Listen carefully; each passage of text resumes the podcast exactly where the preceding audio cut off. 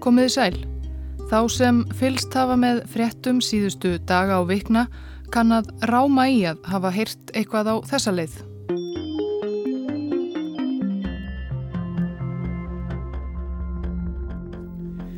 Að minnst ákosti 30 likja í valnum eftir bardaga í Nagorno-Karabakh í dag. Ófriðurinn hefur blossað upp að nýju vegna héraðsins sem verið hefur bitbein Armeni og Azerbaijan áratugum saman. Og kannski hefur þetta nafn Nagorno-Karabakh klingt einhverjum endurminningabjöllum allavega hjá þeim sem einnig fyldust náið með fréttum á fyrstu árum tíunda áratugar síðustu aldar. Því það var þá sem heiftuðugt stríð geisaði milli tveggja ný sjálfstæðra fyrrum sovjetlýðvelda og grannríkja í Kaukasusfjöllum, Armeníu og Azerbaijan. Stríð sem snerist ekki sístum yfir á þeifir þessu héræði, Nagorno-Karabakh. Héræðið er í Azerbaijan en skamt frá landamærunum að Armeníu. Það er um 4400 ferkilometrar að flatarmáli, það er örlítið stærra en austur húnavassísla en þar búaðu þetta langt um fleiri, líklega um 200.000 manns þegar þessi saga gerist á síðustu áratugum 20. aldar. Meiri hluti, svona þrýr fjórðungar íbúa voru armennar og restinn mestmægnis aserar. Þrátt fyrir þennan fjölda armena tilheyriði Nagorno-Karabakh sovjetlýðveldinu Azerbaijan frá upphafi, enda umlukið Azerbaijan á alla kanta. En þetta voru ekki allir armensku íbúar Nagorno-Karabakh sáttir við. Þegar Sovjetríkin riðuðu til fals, nótuðu þeir tækifærið og lístu því yfir að þeir vildu sameinast Armeníu, nokkuð sem fjall ekki í kramið kvorki í Azerbaijan nýja í Moskvu.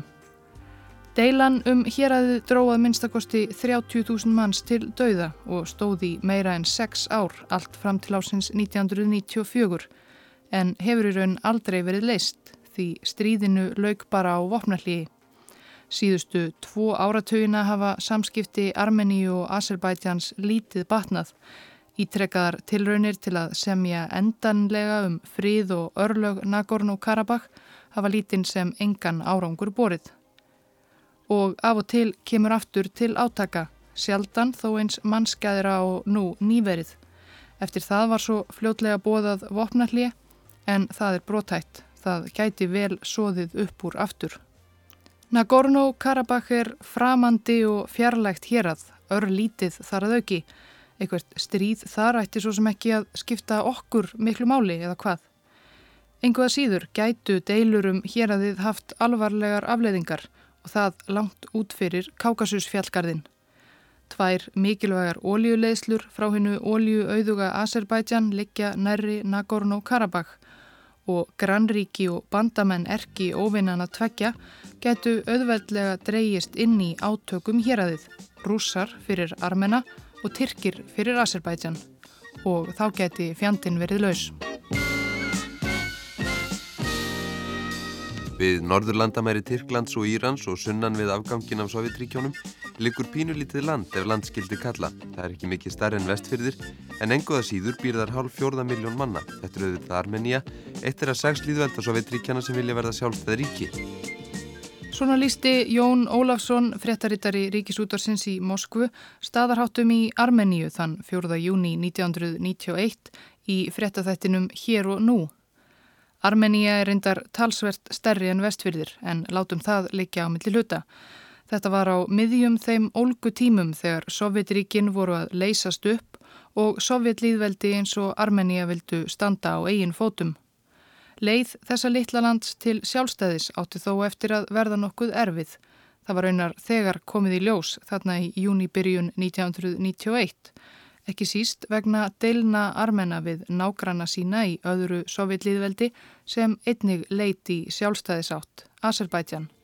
Eða eins og Jón Ólafsson lýsir síðar í pisli sínum.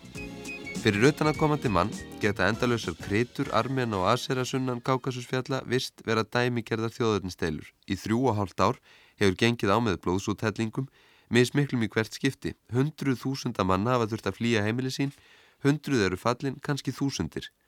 Þegar maður gengur um götur Jerevan, höfuborgar Armeníu, rennur upp fyrir manni hver vonlaus aðstæða þessar þjóðar er. Átökin við Asera hafa sógið blóðuð úr þjóðinni, Fólk viðurkennir fúslega þessi eins og ekkert gangi. Og þegar komiður út fyrir höfuðborgina finnst manni beinlínis eins og allir séu að býða eftir einhverju. Við landamærin er ástandið sínu vest. Engum er hleyft yfir til Azerbaidsjans. Þar standa hermenn gráir fyrir járnum. Даже позавчера были стрельбы с этих сторон, с азербайджанской стороны. Þetta var hermaður frá Kazakstan í miðasju á vakt á samt tremur félögum sínum á landamærum Armeni og Azerbaidsjans. Hann er ólæs og kann lítið í rúsnesku 20 ára aldri. Hann er fremur óörugur með sig en segir okkur þó að hann teldi Armen og Aser að berjast af heft var ekki sovjetherrin undir vopnum og landamærunum til að gæta þeirra. Þetta var þó bara byrjunin. Þessar endalösu krytur áttu eftir að leiða til enn verri átaka stríðs Armena og Asera sem engin einn ólæs ungur hermaður hefði geta komið í veg fyrir og það ekki síst vegna Nagorn og Karabakh.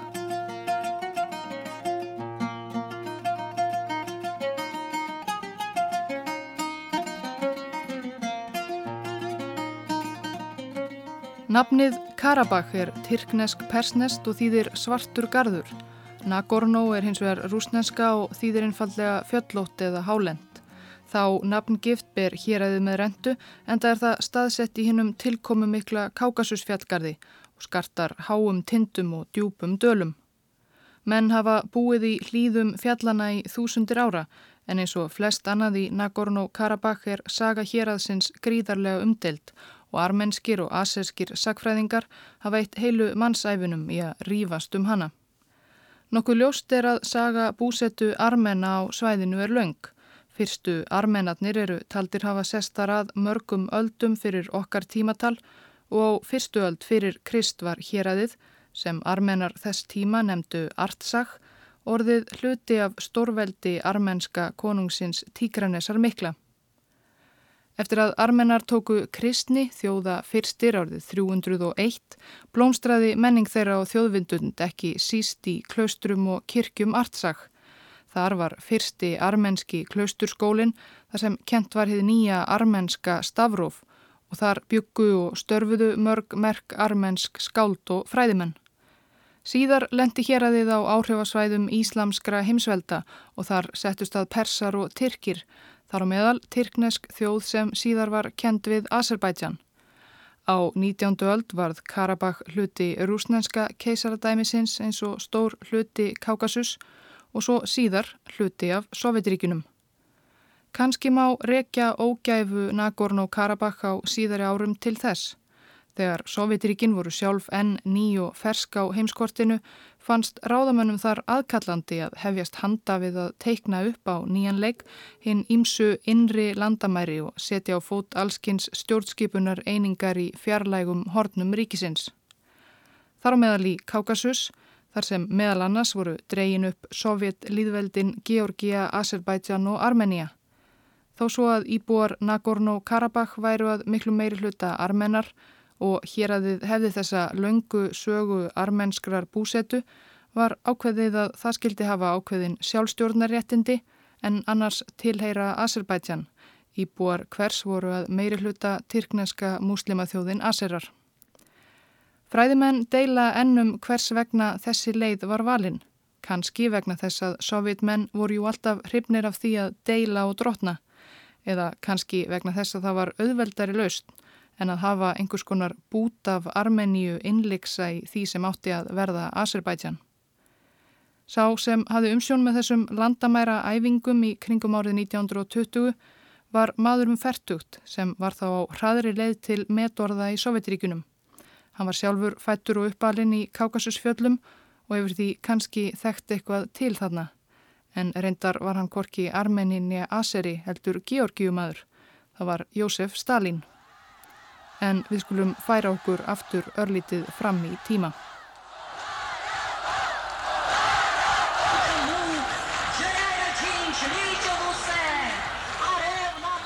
Í lok februar 1988 flyktust 2000 armena út á götur höfuðborgar sinnar Jerevan, fyltu stræti hennar og torg dag eftir dag eftir dag. 2000 og svo 100.000 þegar á leið. Í um 2000 km fjarlægð í Moskvu fylgdust menn forviða með. Þetta voru einhver mestu fjöldamótmæli sem sérst höfðu í Sovjetríkunum.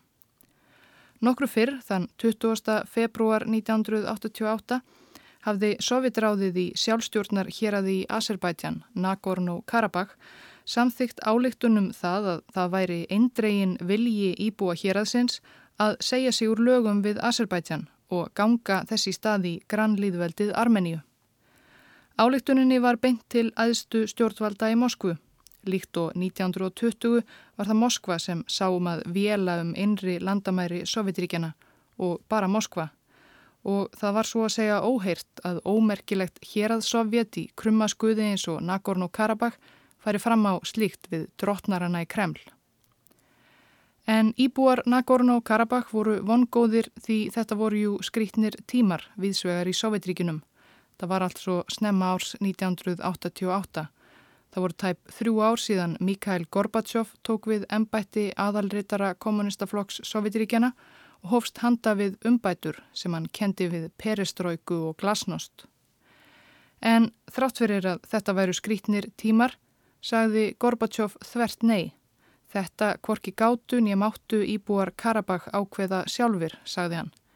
Héradið væri og yrði hluti Azerbaidsjans rétt eins og Jósef Stalin hafði kveðið áum fyrir næri 90 árum. Mótmælin hófust í Stepanakert, höfuðborg Nagorno-Karabakh. Þjúrðu stöðugt fjölmennari með hverjum deginum, svo fjölmenna að armennari henni eiginlegu Armeníu fóru að veita þeim eftirtækt. Karabakh var jú sögufrækt hérað. Emt var til samstöðu mótmæla í Jerevan og fleiri armenskum borgum. Mótmæla sem fljótturðu gífurlega fjölmenn svo að eftir var tekið í Moskvu og víða um heim. Og fóru líka fljótt að snúast um meira en bara Nagorn og Karabakh. Um sjálfstæða Armenju.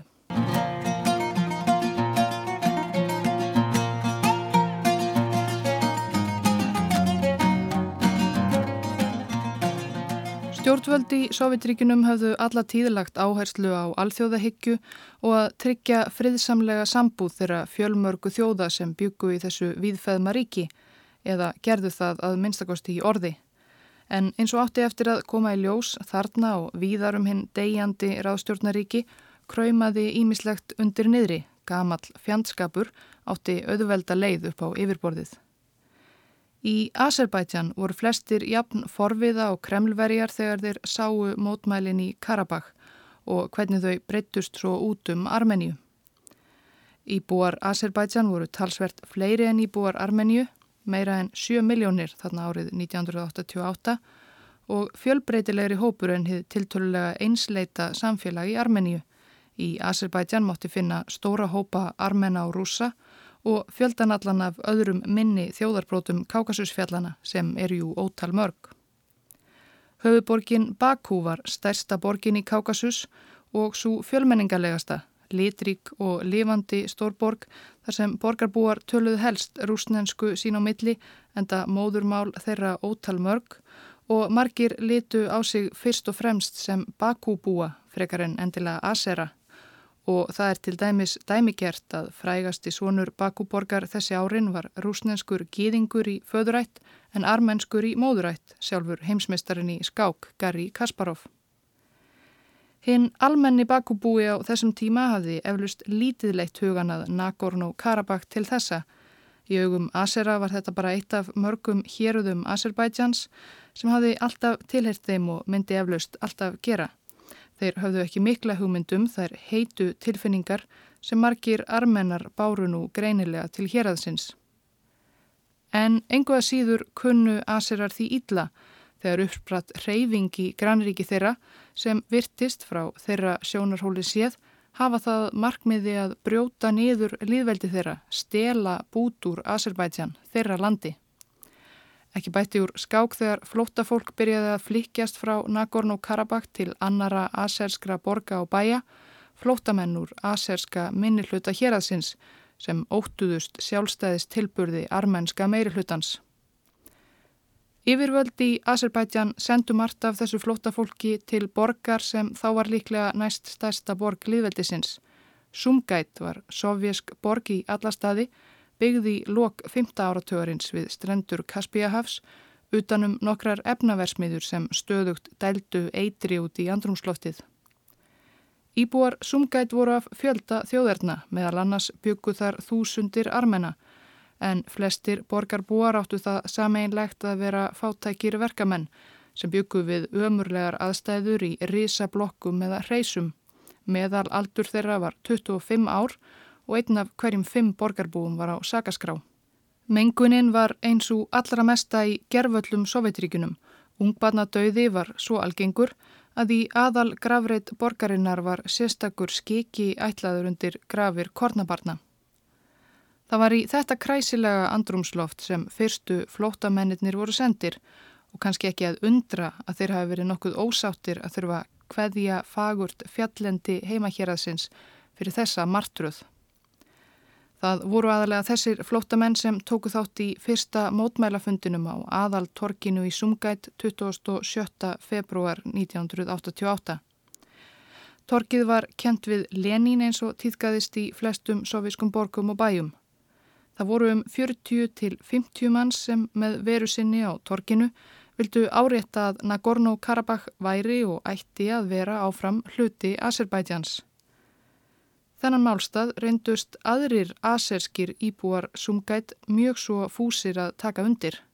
Degi síðar voru það nokkur hundruð asera en ekki nokkur töyir sem mótmæltu á Lenín-torkinu og daginn eftir það enn fleiri svo að torkið var bókstaflega fullt af fólki Fólki sem var mjög skindilega orðið mjög heitt í hamsi, sturlað af reyði í garð ekki bara armennana í Nagorno-Karabakh sem hafðu leikið landa þeirra grátt, heldur í garð allara armenna, líka nágrana þeirra í sungætt. Þegar fór á kvölda 28. februar tvístraðist mannfjöldin á Lenintorki, hópar manna, heldu áleiðis í armenska hverfi borgarinnar. Þeir brutur úður, brendu bíla og umfram allt leituðu að armenum og þegar þeir fundu þá, armenska nágranna sína, áttu þeir ekki vona á sérlega góðu. Konum var nöðgað, ripnar úr fötunum og kveikt í þeim. Menn voru hognir í sundur með öksum. Mörg lík voru svo ítla út leikin að ekki var hægt að bera kennsla á þau. Blóðsúthellingarnar heldu áfram í nokkra daga. Hlutar sumgætt urðu líkastar blóði drifnum vývöllum. Aldrei hafði sérst viðlíka ofbeldi í Sovjetríkunum á fríðartíma en það var fríðurinn svo að segja úti.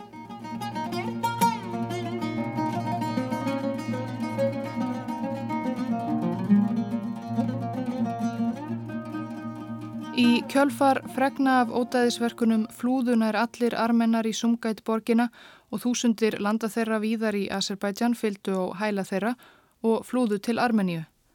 Allstaðar í Nagorno-Karabakh, Armeníu og Azerbaijan magnaðist óvild millir þessara tvekja þjóða sem höfðu búið í návíi öldum saman, yfirleitt í sátt og samlendi, þorp og bæir klopnuðum. Embætismadur frá Moskvu skrifaði síðarum heimsóknir sínar í þorpið Túk í sunnanverðu Karabakh. Hann kom þangað tvísvar, fyrst í februar 1988 og svo aftur sjö mánuðum síðar þegar rækilega hafði svoðið upp úr. Þetta var gammalt þorp, armenarnir og aserarnir höfðu allir gifst innbyrðis. Þeir skiptu öllu með sér og útkljáðu þjóðverðnismálinn saman. Ég mann þegar þorspúarnir sögðu mér, þetta hefur engin áhrif á okkur, þetta er þrjum ár heiðskýru lofti sem fær okkur ekki til að rýfast. En svo í september kom ég aftur með sveit hermana, þá höfðu þorspúarnir skipt torkinu upp og dreyið landamæri. Armenarnir fengu helming þorpsins og aserarnir hinn helmingin. Aserskur eiginmaður hafði meira að segja verið eftir í einum helmingi með þrjú börn og armenska konan hans hafði farið yfir í hinn helmingin með þrjú börn.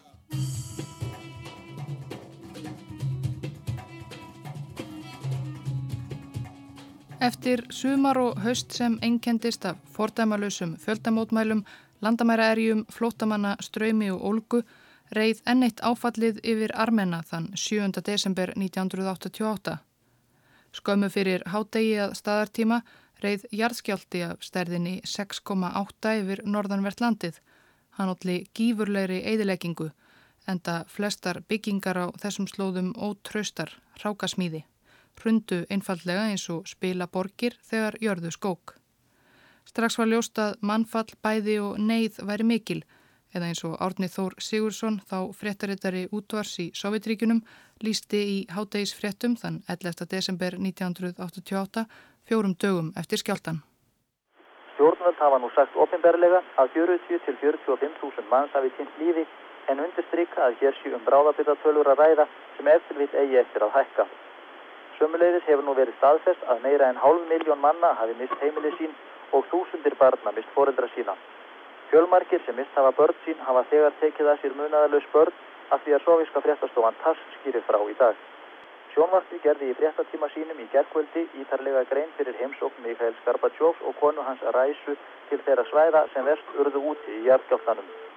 Skarbatsjóf fullvisaði grátandi foreldra og grátandi börn um að stjórnvöld og björgunarsveitir gerðu bókstaflega allt sem í þeirra valdi stæði til að bjarga mannslífum og lína þjáningar slasaðra.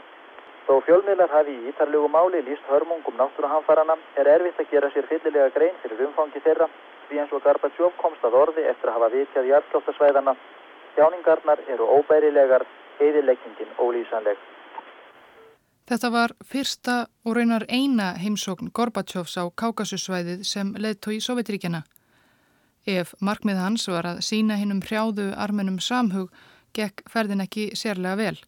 Þrátt fyrir ómælanlegar hörmungar jarðskjáltans gáttu armennar ekki glemt Karabakh hvar sem Gorbachev kom til að ræða við almenning eins og hann vildi yðurlega gera, þetta alþýðlegur maður, vöktu armennarnir alltaf máls á þessu. Hvað átti að verða um Karabakh? En Gorbachev var alltaf á sömu skoðun. Karabakh skildi tilheyra Azerbaijan áfram og leðtógin notaði líka ferðina vel. Skömmu áður en hann flög frá Jerevan heim til Moskvu fyrirskipaði hann að helstu leðtógarnir í baráttu armena fyrir Nagorno-Karabakh skildu allir handteknir.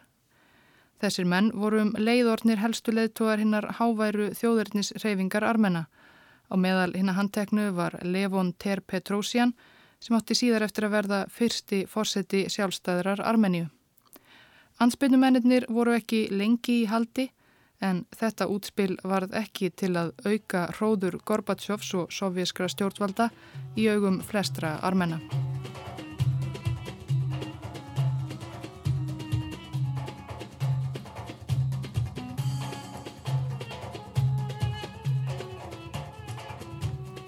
Þjóðurni sinnar voru í sókn viðsvegar um Sovjetríkin, líka í Azerbaijan.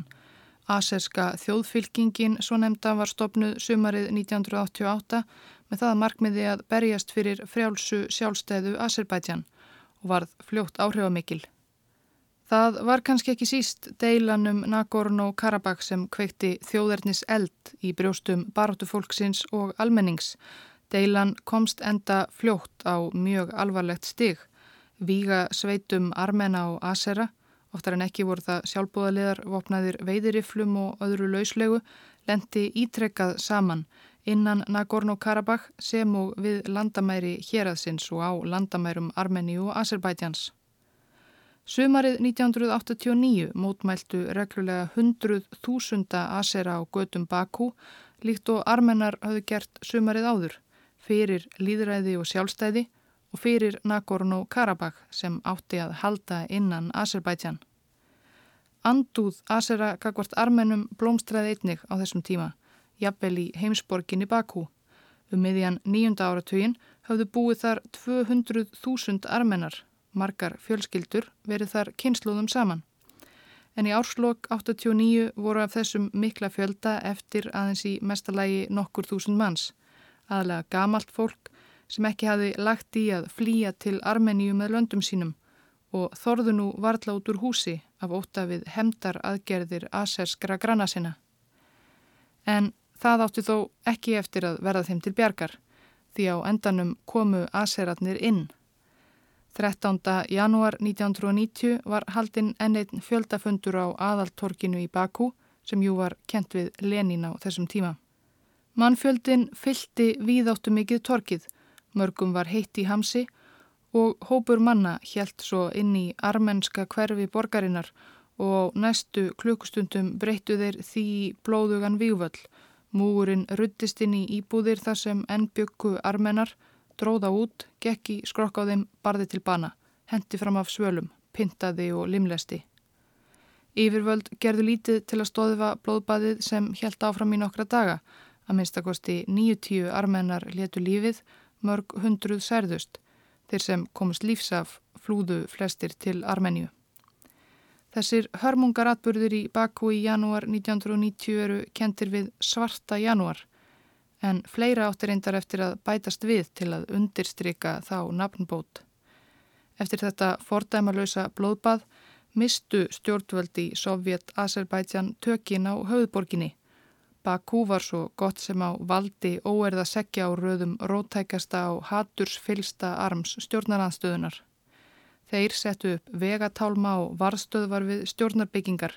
Þeir reistu líka gálga fyrir framann byggingu miðstjórnar aserska kommunistaflokksins hvort hann átti bara að vera ógnvænlegt tákn til að skjóta kommunistunum innan vekja byggingarinnar skelki í bringu eða hvort ætlunin var bókstaflega að hengja þá, það er óvist. Það kom allavega aldrei til þess að gálgin er þið tekin í gagnið því aðfara nótt 20. janúar, viku eftir blóðsúthellingarnar í armenska hverfinu, lísti Mikael Gorbachev yfir neyðar ástandi í Bakú og kallaði út herinn.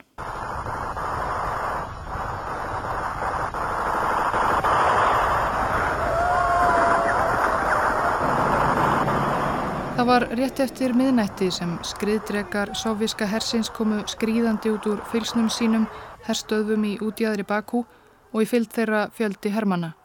Herliðið reðst inn í borgina samtímis úr söðri og norðri og ekki fóra á milli mála þetta var hernaðar aðgerð að herin leita á Bakú sem borg í höndum óvinnar og erði engu. Skriðdrekarnir rulluðu yfir vegatálma, bíla og jáfnvel sjúkrabíla Hermennir skutu af handahófi á fólk sem flúði, menn, konur og börn. Þetta var í fyrsta sinn sem sovíski herin réðst af fullum þunga inn í borg sem þegar tilherði Sovjetríkunum. Það tók hann bara örfávar klukkustundir að ná borginni á sitt vald en 130 borgarbúar letu lífið þessa nótt. Herin og stjórnvöldi Kreml hafðu þá sigrað Bakú en þeir hafðu tapað Azerbaijan Aserska þjóðin var bálreið yfir framgangi stjórnvalda í Moskvu. Tugþúsundir mættu í útfarir þeirra sem fjallu, jável gall hörðustu kommunistar brendu flokks skýrsteini sín á báli. Síðar hafa fræðimenn skilgreint atbyrði eins og svarta janúarin í Azerbaijan sem dauðategjur Sovjetiríkjana. Smátt og smátt snýrust Sovjetlíðveldin gegn stjórnvöldum í Moskvu horðu í sjálfstæðisátt og tóku í raun ekki í mál að Moskva maldaði í móin. Armenia lísti yfir sjálfstæði þann 23. ágúst 1991 og Azerbaijan fylgdi á hæla hennar viku síðar.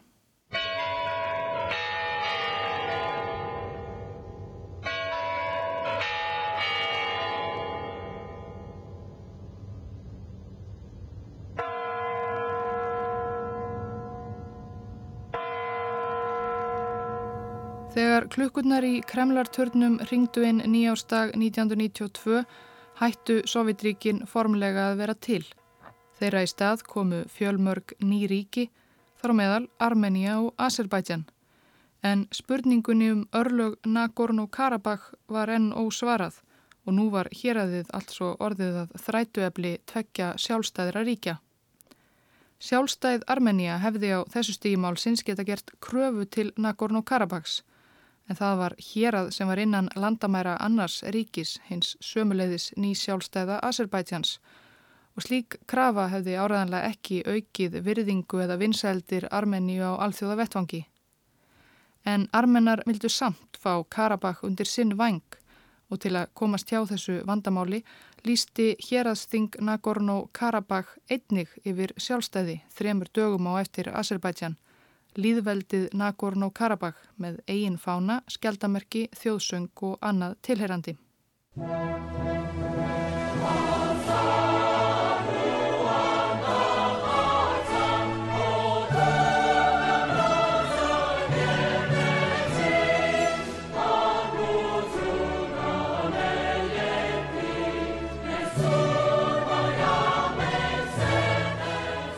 Íbúar þessa nýja liðveldis voru um 200.000 og höfðu þegar átt í mannskeiðum deilum við aserska granna sína árum saman. Þær deilur áttu sannarlega eftir að magnast við þetta nýjasta útspill. Þó svo að stjórnvöldi í Armeníu með því að fá litla bróður í Karabakh til að lýsa yfir sjálfstæði þættust nú engan hlut eigað máli var fljótt ljóst að það var fyrirsláttur og ríkin tvö áttu nú í alvöru stríði. Stríðið byrjaði dálitið bröðsuglega ef svo máða orði komast. Það flækti málin að bæði ríkin voru svo nýlega sjálfstæð að þau höfðu ekki haft tóm til að koma sér upp neinu sem hægt var að kalla herabla. Samt ákvaðu þau að hella sér út í heljarinnar stríðsregstur. Nýjum herjum Armeníu og Azerbaijan var tjaslað saman með því að kalla reynslulösa unga menn til herþjónustu og innlima jáfnframt í herin Vígasveitirnar sem hinga tilhauðu tekið þátt í skærunum um Karabakh. Fjöldi sjálfbúða liða gaf sig einnig fram óðir og uppvægir að verja föðurlandið og berja á ofinninum, stundum misjafnar týpur. Vopn og annar búnaður var viðvitað líka af skortnum skamti, sem og peningar og vistir og þjálfun og já, flest annað sem þarf til að byggja upp sómasamlegan herr. Í herjum begja landa ríkti ringulreið, eða eins og læknir sem gekk til liðsvið Arseska herin vorið 1992 lísti síðar. Það var engin einn hér, það voru sex eða sjö mismunandi sveitir sem var börðust við armennana. Fyrir sveitunum fóru einhverju glæphónar og bandítar þarna á sveitinni sem höfðu setið í mörg ári í sovjaskum fangelsum fyrir morð eða aðra glæpi og svo börðust þessar sveiti líka innbyrðis. Til dæmis ákvaðu þeir að leggja undir sig einhvers konar rúsneska vopnageimslu. Það er náðinni en einn maður náði fimm skriðdrekum og annar bara einum og þá voru þeir orðnir óvinnir. Svo að þessar sex sveitir gáttu aldrei ráðist á neitt skotmark saman. Einn reðst til aðlögu en hinn er sögðu, nei, við viljum ekki berast í dag. Glæpamenn eru oft mjög þjóðræknir, stríð er gott fyrir glæpuna. Maður getur gert það sem maður vill, limlest og drepið. Mentamenn far ekki í stríð, það eru glæpamenn sem far í stríð. Og á þessum tíma voru það glæpamenn sem leittu herin okkar. Og við slíkar aðstæður er það svo auðvitað almennir borgarar sem mest á mæðir. Armenskir hermenn neyttu aserska íbúa Nagorno-Karabakh til að yfirgefa heimili sín og þorp og leggja á flóta og asersku hermennir gerðu slíktið sama með armenna sem urðu á vegi þeirra. Þó svo að mannfall í stríðinu, það er um 30.000 manns, slægi kannski varla upp í önnur sambærileg hryllingsstríðum þessar mundir eins og í Bosníu og Tjetjeníu var flótamannavandin sem skapaðist vegna átakana eitt sá mesti sem sérst hafi til þessa á heimsvísu. Mörg hundruð þúsund manns lendu á rakhólum. Hvarvetna fóru heyrir Beggjaríkja fram með grimd. Fjöldamorð og þjóðarnis hreinsanir á síðustu árum Sovjetiríkjana hafðu gefið tónin fyrir það sem koma skildi. Það er nóg af hryllingssögum í stríðinu um Nagorno-Karabakh. Í februarlokk 1992 Fjórum árum eftir morðin á armennunum í Sumgætt 88, næstum upp á dag, réðust armennskir hermennin í Aseskan bæ, Kotjali, og skutu miskunar löst á almenna borgara sem lögðu á flóta. Sumir voru einfallega teknir af lífi, skotnir í höfuðuð af stuttufæri. Bladamadur Lundunarbladsins Times kom til Kotjali skömmu eftir fjöldamorðin. Á víð og dreif í vissnuðu grasinu, í litlum dal og víðsvegar í fjálslíðinu þar fyrir ofan liggja líkin eftir fjöldamorð armenskra hermanna og aserskum flótamönnum. Af 31 líki sem við sáum var aðeins einn lauruglumadur og tveir sem virtust vera sjálfbóða hermenn í enginnispúningum. Allir hinnir voru almennir borgarar, þar á meðal átta konur og þrjú ung börn. Tveir hópar, það virtust vera fjölskyldur, höfðu látið lífið saman, börnin í fangi kvennana. Mörg þeirra, þar á meðal einn lítil telpa, voru með hryllileg sára á höfði. Á henni var bara andlitið eitt eftir. Að minnstakosti 160 manns letu lífið í Kojali þennan dag. Fjöldamorðin urðu enn til að espa aserskan almenning í stríðsæsingnum og armenahatrinu. Þá áfældust margir stjórnvöld fyrir að hafa ekki gert meira til að vernda almenning í Kojali. Það endaði með því að fyrsti fórseti sjálfstæðis Azerbaidsjans, Ayas Mutalibov, rökklaðist frá og viðtók atbyrðar á sem endaði með því að andlit gamalkunnugt öllum Azerum komst til valda árið eftir. Hinn sjötugi heitar Aliyev sem hafi verið leittói Sovjet-Azerbaidsjans í 13 ár, 1969 til 82 og í raun drotnaði við aserskum stjórnmálum áratugum saman. Aliyev satt á fórsetastóli næstu tíu árin til dauðadags og notaði þann tíma til að byggja upp personuleika dýrkun á sjálfum sér, útnefndi sig föður asesku þjóðarinnar, setti upp myndir af sér og stittur við svegarum landið og stakk auðvitað ólíuð þjóðarinnar beint í eigin vasa. Að sjálfsögðu bjóðan líka svofnútan að sonur hans Ílham tæki við af honum og sásitur enn, einvaldur og gjör spiltur eins og pappi, eins og við sáum síðast nú nýlega þegar nöfn hans og fjölskyldu hans fundust í Panama-skjölunum svo kulluðu um skattaskjóla svindl hérna frægu og valdamiklu.